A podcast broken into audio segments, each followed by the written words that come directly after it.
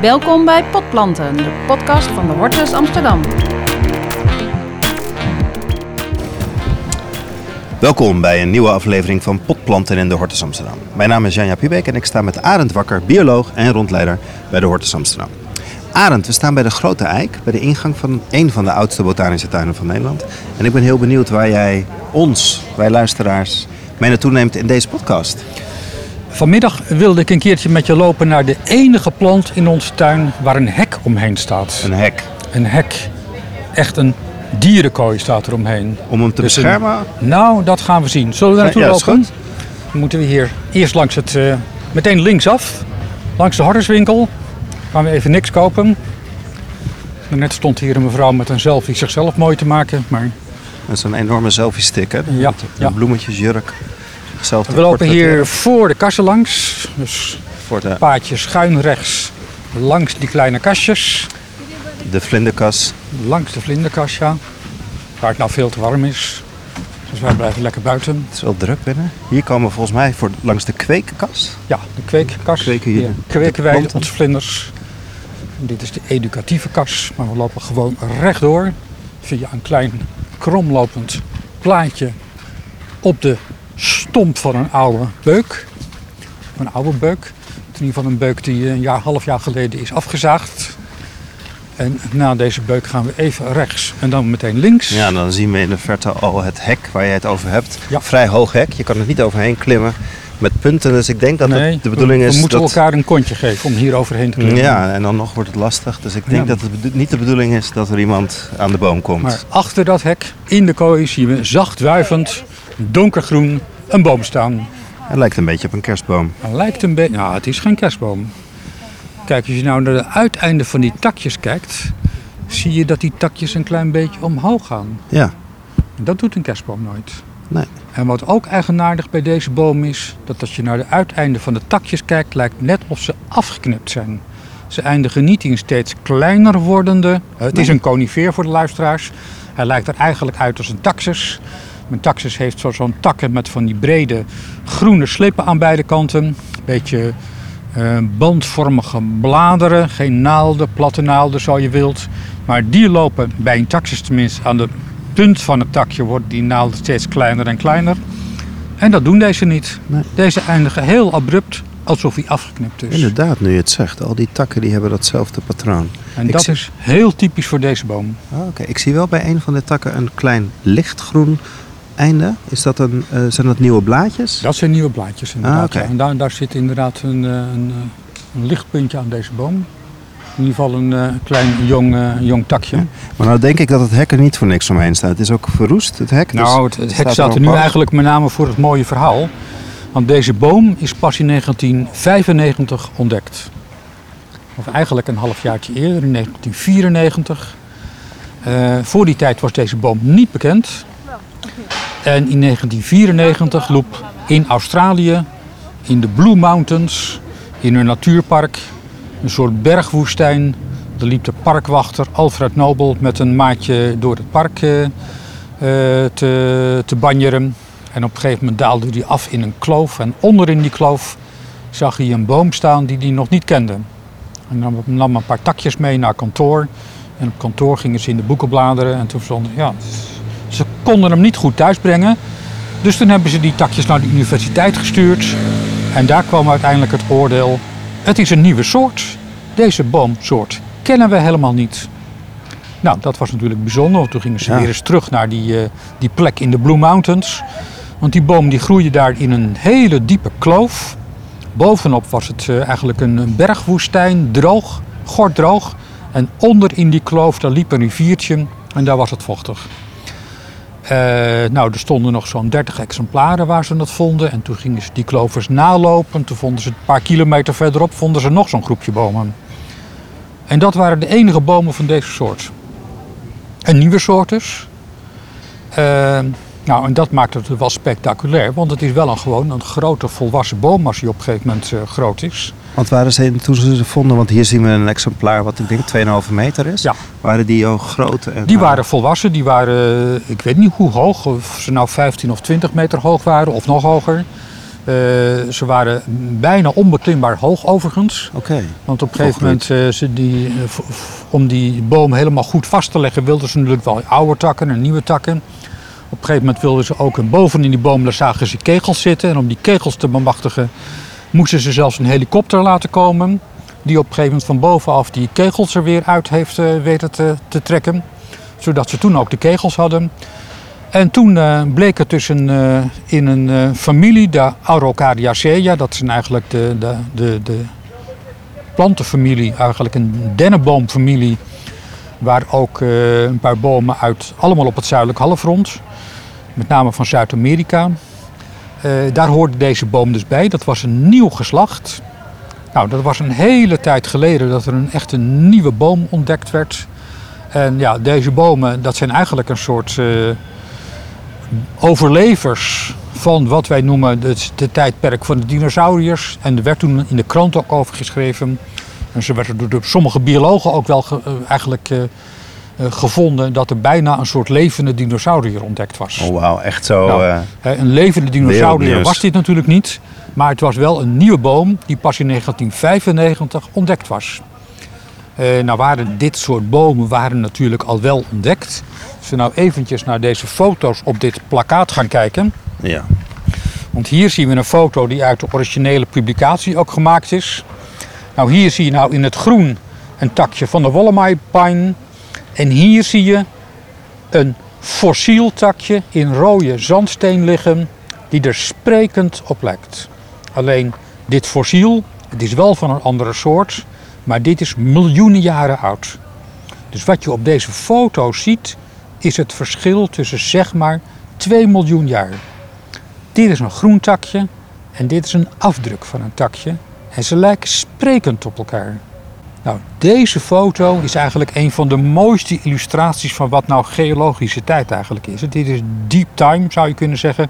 Want wat is een miljoen jaar? Valt niet uit te leggen. Nee, Tot je deze foto ziet. inderdaad. Dit is 2 miljoen jaar ouder dan dit nog net, net vers afgeplukte takje. Nou, dat, is, eh, dat, is, dat geeft dus iets weer over de, de afstammingstijd van dit soort bomen. Nou, deze boom dus, die dus gevonden werd in de Blue Mountains, eh, die werd dus beschreven. En al heel snel werd natuurlijk gezien hoe spectaculair nieuw dit was. Eh, de toegang tot die kloven is sinds die, tijd eigenlijk verboden gebied geweest. Want die bomen, en naderhand onderzoek heeft dat ook uitgewijst, uitgewezen, die hebben daar miljoenen jaren afgesloten in die kloof gestaan. Met rust gelaten ook. Met rust gelaten, maar natuurlijk ook heel veel eh, met eh, kruising onderling. Dit is de miljoenen jaren incest, hebben deze bomen opgeleverd. Of incest, in ieder geval, eh, er heeft geen uitwisseling met andere populaties plaatsgevonden. En we zijn heel erg bang dat als er ook maar een ziekte van buitenaf bij komt, dat die populatie er alsnog uitgaat en dat die alsnog uitgestorven is. Ja, dat is kwetsbaar. Het is maar een heel klein groepje boom wat daar dus onderin die kloof hebben weten te overleven. Op het plakkaat zien we ook een foto hè, van, Ja. van, van die cliff, Ja, volgens hier, mij. ja hier, nou, hier zie je inderdaad hoe die volwassen bomen eruit zien. Ja, Hier zie je ook dat het tamelijk ingewikkeld is om hier bij de toppen van die bomen te komen. ja, ik snap het. Hey, en wat was er bijzonder aan die cliff? Want waarom kwam daar niemand? Lag het helemaal afgelegen? Of... Nou, die woestijn is dus al heel heet. Deze klover, daar moest dus met abseiltouwen moest daarin worden abgeseild. Ja, En dat wordt normaal gesproken gebeurt dat niet, want voordat die parkwachter daar geweest was, was dit eigenlijk ook voor de parkwachters een onbekend kloofje geweest. En daar komt dus helemaal niemand. nee. Is- En doordat die kloof dus door die riviertjes onderin altijd vochtig is gebleven, hebben ze deze bomen dus eigenlijk een eigen reservaat gehad. Ja, En ze kunnen het. dus ook niet meer ontsnappen uit deze kloof, want daarbuiten is het veel te heet Ja. en veel te droog. Helemaal geïsoleerd. Maar dan kom je natuurlijk wel met de. Nou ja, daar ga ik zo meteen nog even over. Hoe komt het nou dat die bomen daar groeiden? Eh, toen gevonden werd dat deze bomen zo uniek waren. eh, en ze zijn natuurlijk ook wel gaan- meteen gaan kijken, ja, hoe gaan we nou om met de komstige bezoek? En hoe gaan we om met, eh, met de conservering van deze bomen? Nou, de offi- officiële groeiplaats werd dus geheim gehouden. Die kun je dus nu ook niet vinden op Google. Nee, Nee, die weet jij ook niet. Nee, nee. En ook als je daar via de parkwachters toegang toe vraagt, dan krijg je daar geen toegang toe. Voor een hele enkele wetenschappelijke uitzondering. Maar als ze er dan naartoe gaan, dan gaan de mensen er ook naartoe alsof het een Mars-expeditie betreft. Ja, Dus moet volledig ontsmet tekenen. om maar te komen dat er geen insecten of virussen of bacteriën van buitenaf naar binnen gesmokkeld worden. Ja, Want dan kon het wel eens gedaan zijn met die bomen. Ja. Het bijzondere van die bomen is, nou eigenlijk zien ze er helemaal niet bijzonder uit op het Ja. eerste gezicht. Ze zien eruit als een taxus met iets andere blaadjes. Als ze volwassen zijn, dan wordt die boom wordt en krijgt een beetje chocoladeachtige schors. Een van de meer opvallende eigenschappen is dat deze laat niet zozeer naalden vallen, maar hij laat hele takken vallen. Dus op een gegeven moment aan de onderkant, eh, als hij te veel in de schaduw gaat komen, dan laat hij hele takken vallen en geen afzonderlijke naaldjes. oké. Ja. Hey, en doet hij het goed hier in, in de Hortus, in de, de Hollandse Amsterdamse bodem? Hij doet het redelijk goed. Uiteraard wisten we toen in het begin helemaal niet onder welke condities hij, eh, welke condities hij zou kunnen overleven. Eh, we hebben in het begin wel een hele felle, felle nachtvorst gehad. En dat heeft de eerste boom die hier stond, en dat was rondom 2000, eh, die heeft hem gekild. En dit is het, tweede boompje wat we hier nu hebben. Want deze bomen worden dus nu buiten dat natuurpark opgekweekt. En die werden aanvankelijk in hele gelimiteerde oplagen werden die verspreid over de botanische tuinen. Wij waren een van de eerste tuinen ermee. En toen werd er eigenlijk meteen verordeneerd dat je ook moet zorgen dat hij, omdat het heel kostbaar en heel zeldzaam natuurlijk was, dat er een hek omheen kwam tegen diefstal. Ja. Nou, uit die tijd dateert dit hek. Inmiddels zijn er heel veel van die Wollemi pines. We hebben in onze tuin ook nog meerdere exemplaren. In de drie klimatenkas eh, rechts van de ingang, daar staat nu ook nog een Wollemi pine. Inmiddels staat hij in alle conifere tuinen en alle botanische tuinen hebben een Wollemi pine. Dus nu is hij niet zo super zeldzaam meer. En nu zou je het ook wel zonder hek kunnen, maar het verhaal van Het een verhaal boom achter zo'n dierenkooi is natuurlijk wel mooi. Ja, hoe beschermen jullie dan deze plant door, de, door een strenge winter heen? Gaat Dan wordt hij helemaal ingepakt. ingepakt. Ja. En niet alleen maar aan de zijkant, maar ook aan de bovenkant. Want die eerste vorstnacht, waar die- dat eerste exemplaar gekild, die nog gekild heeft, toen was hij wel aan de zijkant ingepakt. Maar toen dachten ze, zaten ze s'avonds te overleggen, smiddags moeten we die top moeten daar nog wat overheen leggen. Nou ja, wel, nee. Uiteindelijk hebben ze het niet gedaan. En toen was de volgende ochtend was de boom dood. Ja. Ah, ja, die Dat is spijt gehad hebben. Dus tegen bijzonder. hele strenge nachtvorst, daar kan hij niet tegen. Nee, nee. Dat weten we nu. Dus nu wordt hij met name winters dus behoorlijk ingepakt. En dan ziet het er eigenlijk niet uit, want dan heb je hier een soort ingepakte hansworst in een kooi. Ja. Ja, dat is nog spannender Maar hij blijft wel buiten staan, hè? want we hebben hier heel veel Deze staat buiten. Ja, eh, deze staat buiten. staan. Dit is geen, want hij kan in principe, mits hij de winter overleeft, kan hij het dus gewoon goed buiten doen. Ja, hij hoeft niet in een pot. Nee, nee, hij hoeft niet. En bijna alle staat hij buiten. Inmiddels heb ik eh, van de zomer in de Utrechtse hortus, daar staat hij ook. En daar heeft hij zelfs al kegels. Oké. Dat heeft hij hier nog niet. Hè. Dus staan, hij staat Nee. hier ook niet helemaal in de volle zon.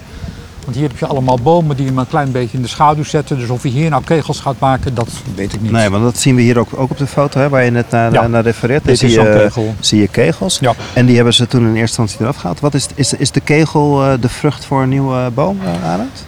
In de kegel daar zitten de zaden. Een kegel is wel het equivalent, dus het overeenkomstige deel van een vrucht. Maar het, het is eigenlijk geen vrucht.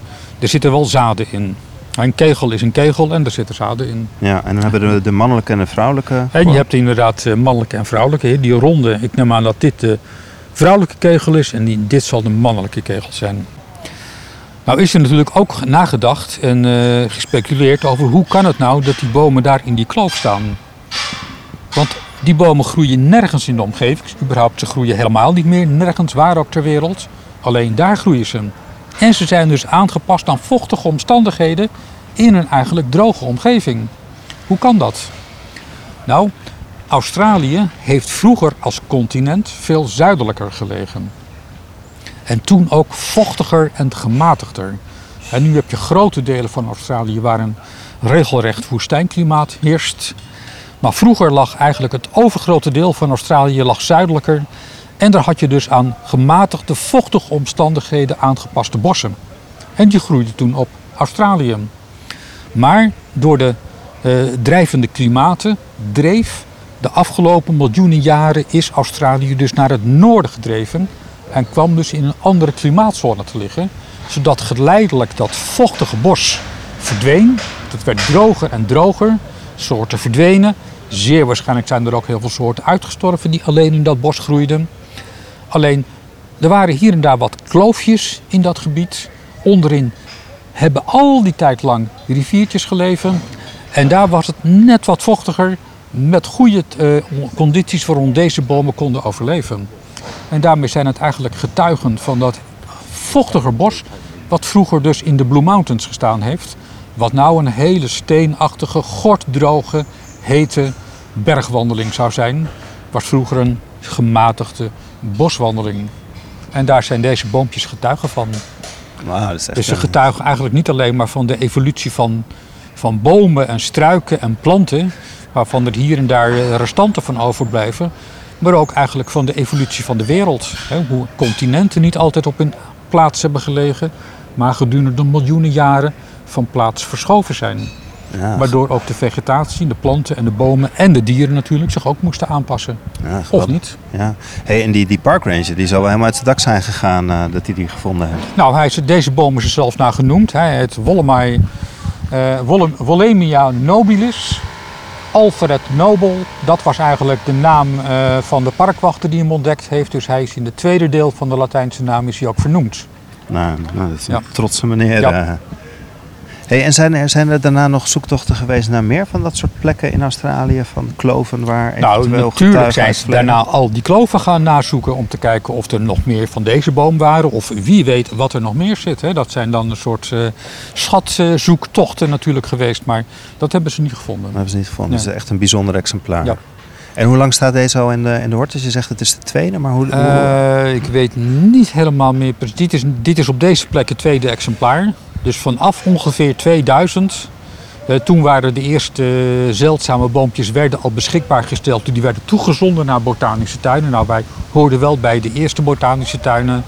Dus vanaf ongeveer het jaar 2000 hebben wij hier een Wollemai pine gehad. ja. Nou, het eerste exemplaar is dus dood en dit is het tweede exemplaar. Maar de, de kooi is nog van de eerste zending. Ja, ja, ja. En dit is dus, eh, sommige mensen noemen dit ook wel een levend fossiel. Dan kun je afvragen, dat kan eigenlijk niet hè? Want een fossiel is dood. Dat is een goede Dus vraag. levende fossielen kunnen helemaal niet bestaan. Nee. Is het nou een levend fossiel? Ja en nee. Ik bedoel, de groep van bomen waar deze uit voortgekomen is, ja, dat is een groep waar heel weinig soorten van over zijn. Eh, Binnen de familie zijn maar drie geslachten over, waarvan dit er eentje is. Dus wat dat betreft is het wel een soort, eh, soort overblijfsel uit hele oude tijden. Maar een levend fossiel, ja, dat bestaat natuurlijk ook niet.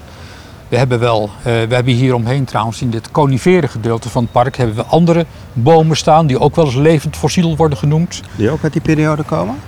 Nou, eigenlijk alle coniferen hebben hun hoogtijdagen gehad in wat wij het eh, Mesozoïcum noemen. Dat is de periode tussen 200 miljoen jaar geleden en 60 miljoen jaar geleden. Toen waren de coniferen, de dennen, spar en alles wat daarop lijkt, waren eigenlijk de hoogontwikkelde bossen en bomen. Dat waren die. En dan nog geen bomen met bloemen. Of planten met bloemen, die waren er niet. Of die waren in heel bescheiden mate aanwezig. Dus het Mesozoïcum, en dat is dus ook de tijd van de dinosauriërs, dat is de tijd van de coniferen. Ze werden ook flink gegeten door de dinosauriërs. Zeker, hè, daar hebben we een ginkgo staan. Dat is ook een, eh, wordt door sommige mensen ook wel een levend fossiel genoemd.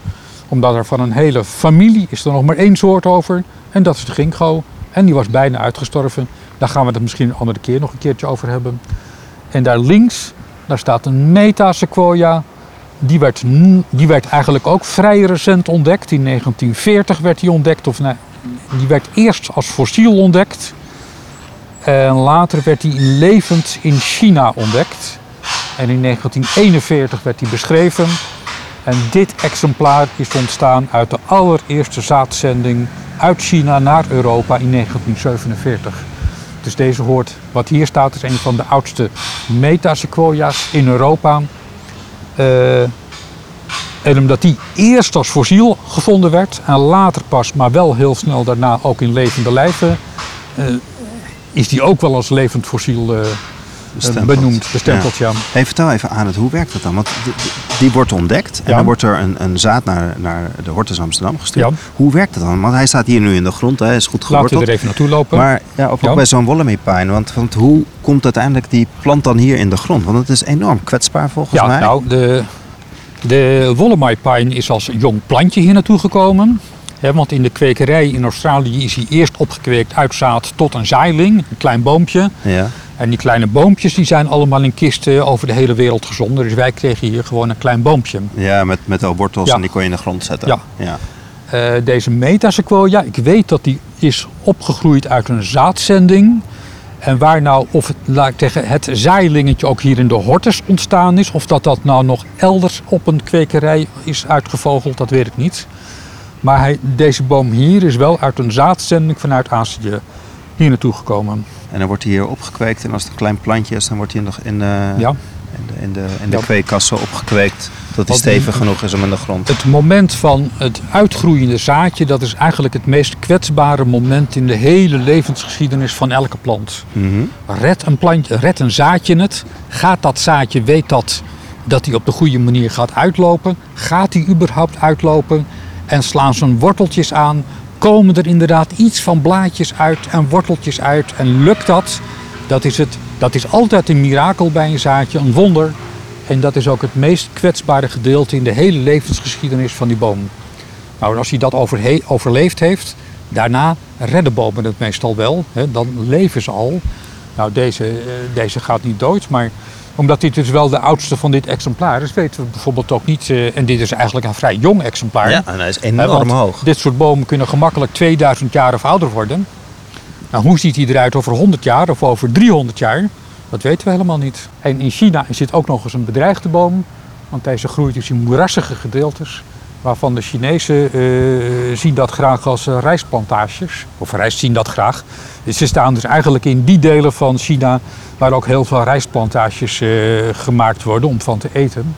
En de, de bedreiging in China bestaat eruit dat het gebied waar zij van nature in groeien eigenlijk grotendeels is omgezet in dorpen en in eh, plantages eh, voor de rijstplantages. Ja, gekapt om ruimte te maken. Dit was een gesprek met Arend Wakker in de Hortus Amsterdam. Deze podcast is een van een serie te beluisteren via iTunes en Spotify. Wilt u de Wollemi Pine zelf komen bekijken, kom dan naar de Hortus in Amsterdam. Hij staat helemaal achterin in het conifere stukje. Eh, voor meer informatie over openingstijden en andere informatie over de Hortus kunt u kijken op www.dehortus.nl.